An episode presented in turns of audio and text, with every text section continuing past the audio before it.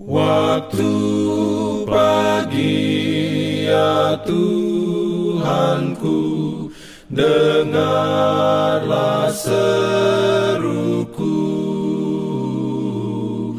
Melayang doa yang sungguh Memandang padamu Selamat pagi pendengar Radio Advent Suara Pengharapan.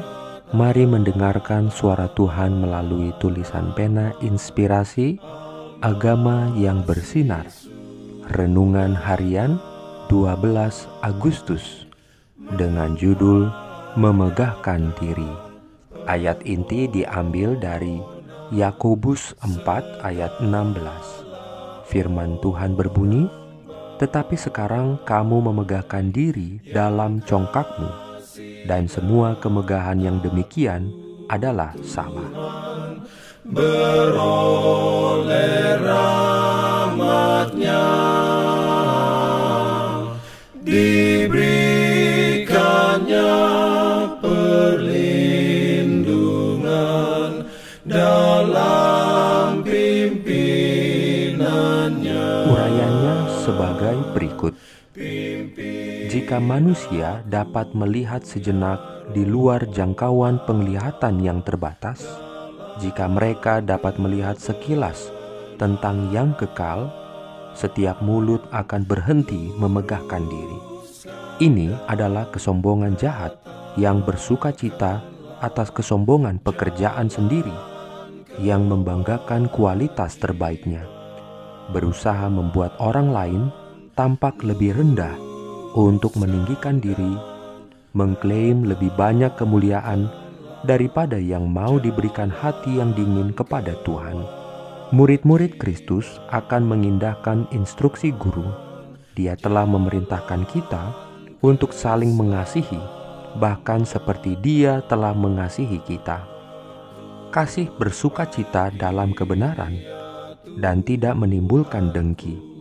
Orang yang memiliki kasih hanya membandingkan keelokan Kristus dengan tabiatnya sendiri yang tidak sempurna.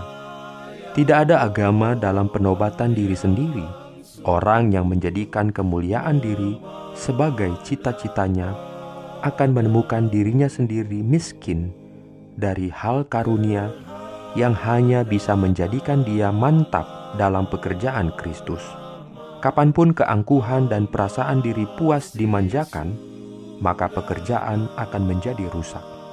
Kewajiban yang terkecil yang dilakukan dengan ikhlas dan dengan sepenuh hati lebih berkenan kepada Allah daripada pekerjaan yang terbesar tetapi dirusakkan oleh sifat mementingkan diri.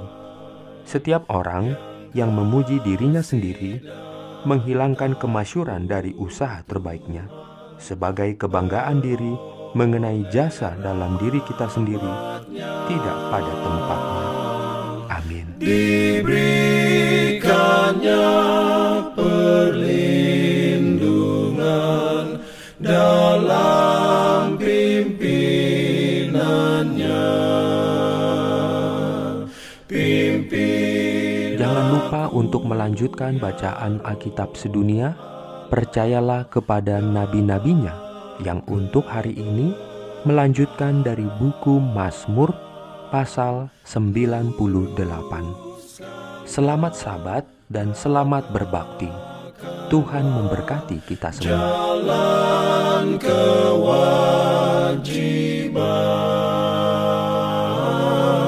jalan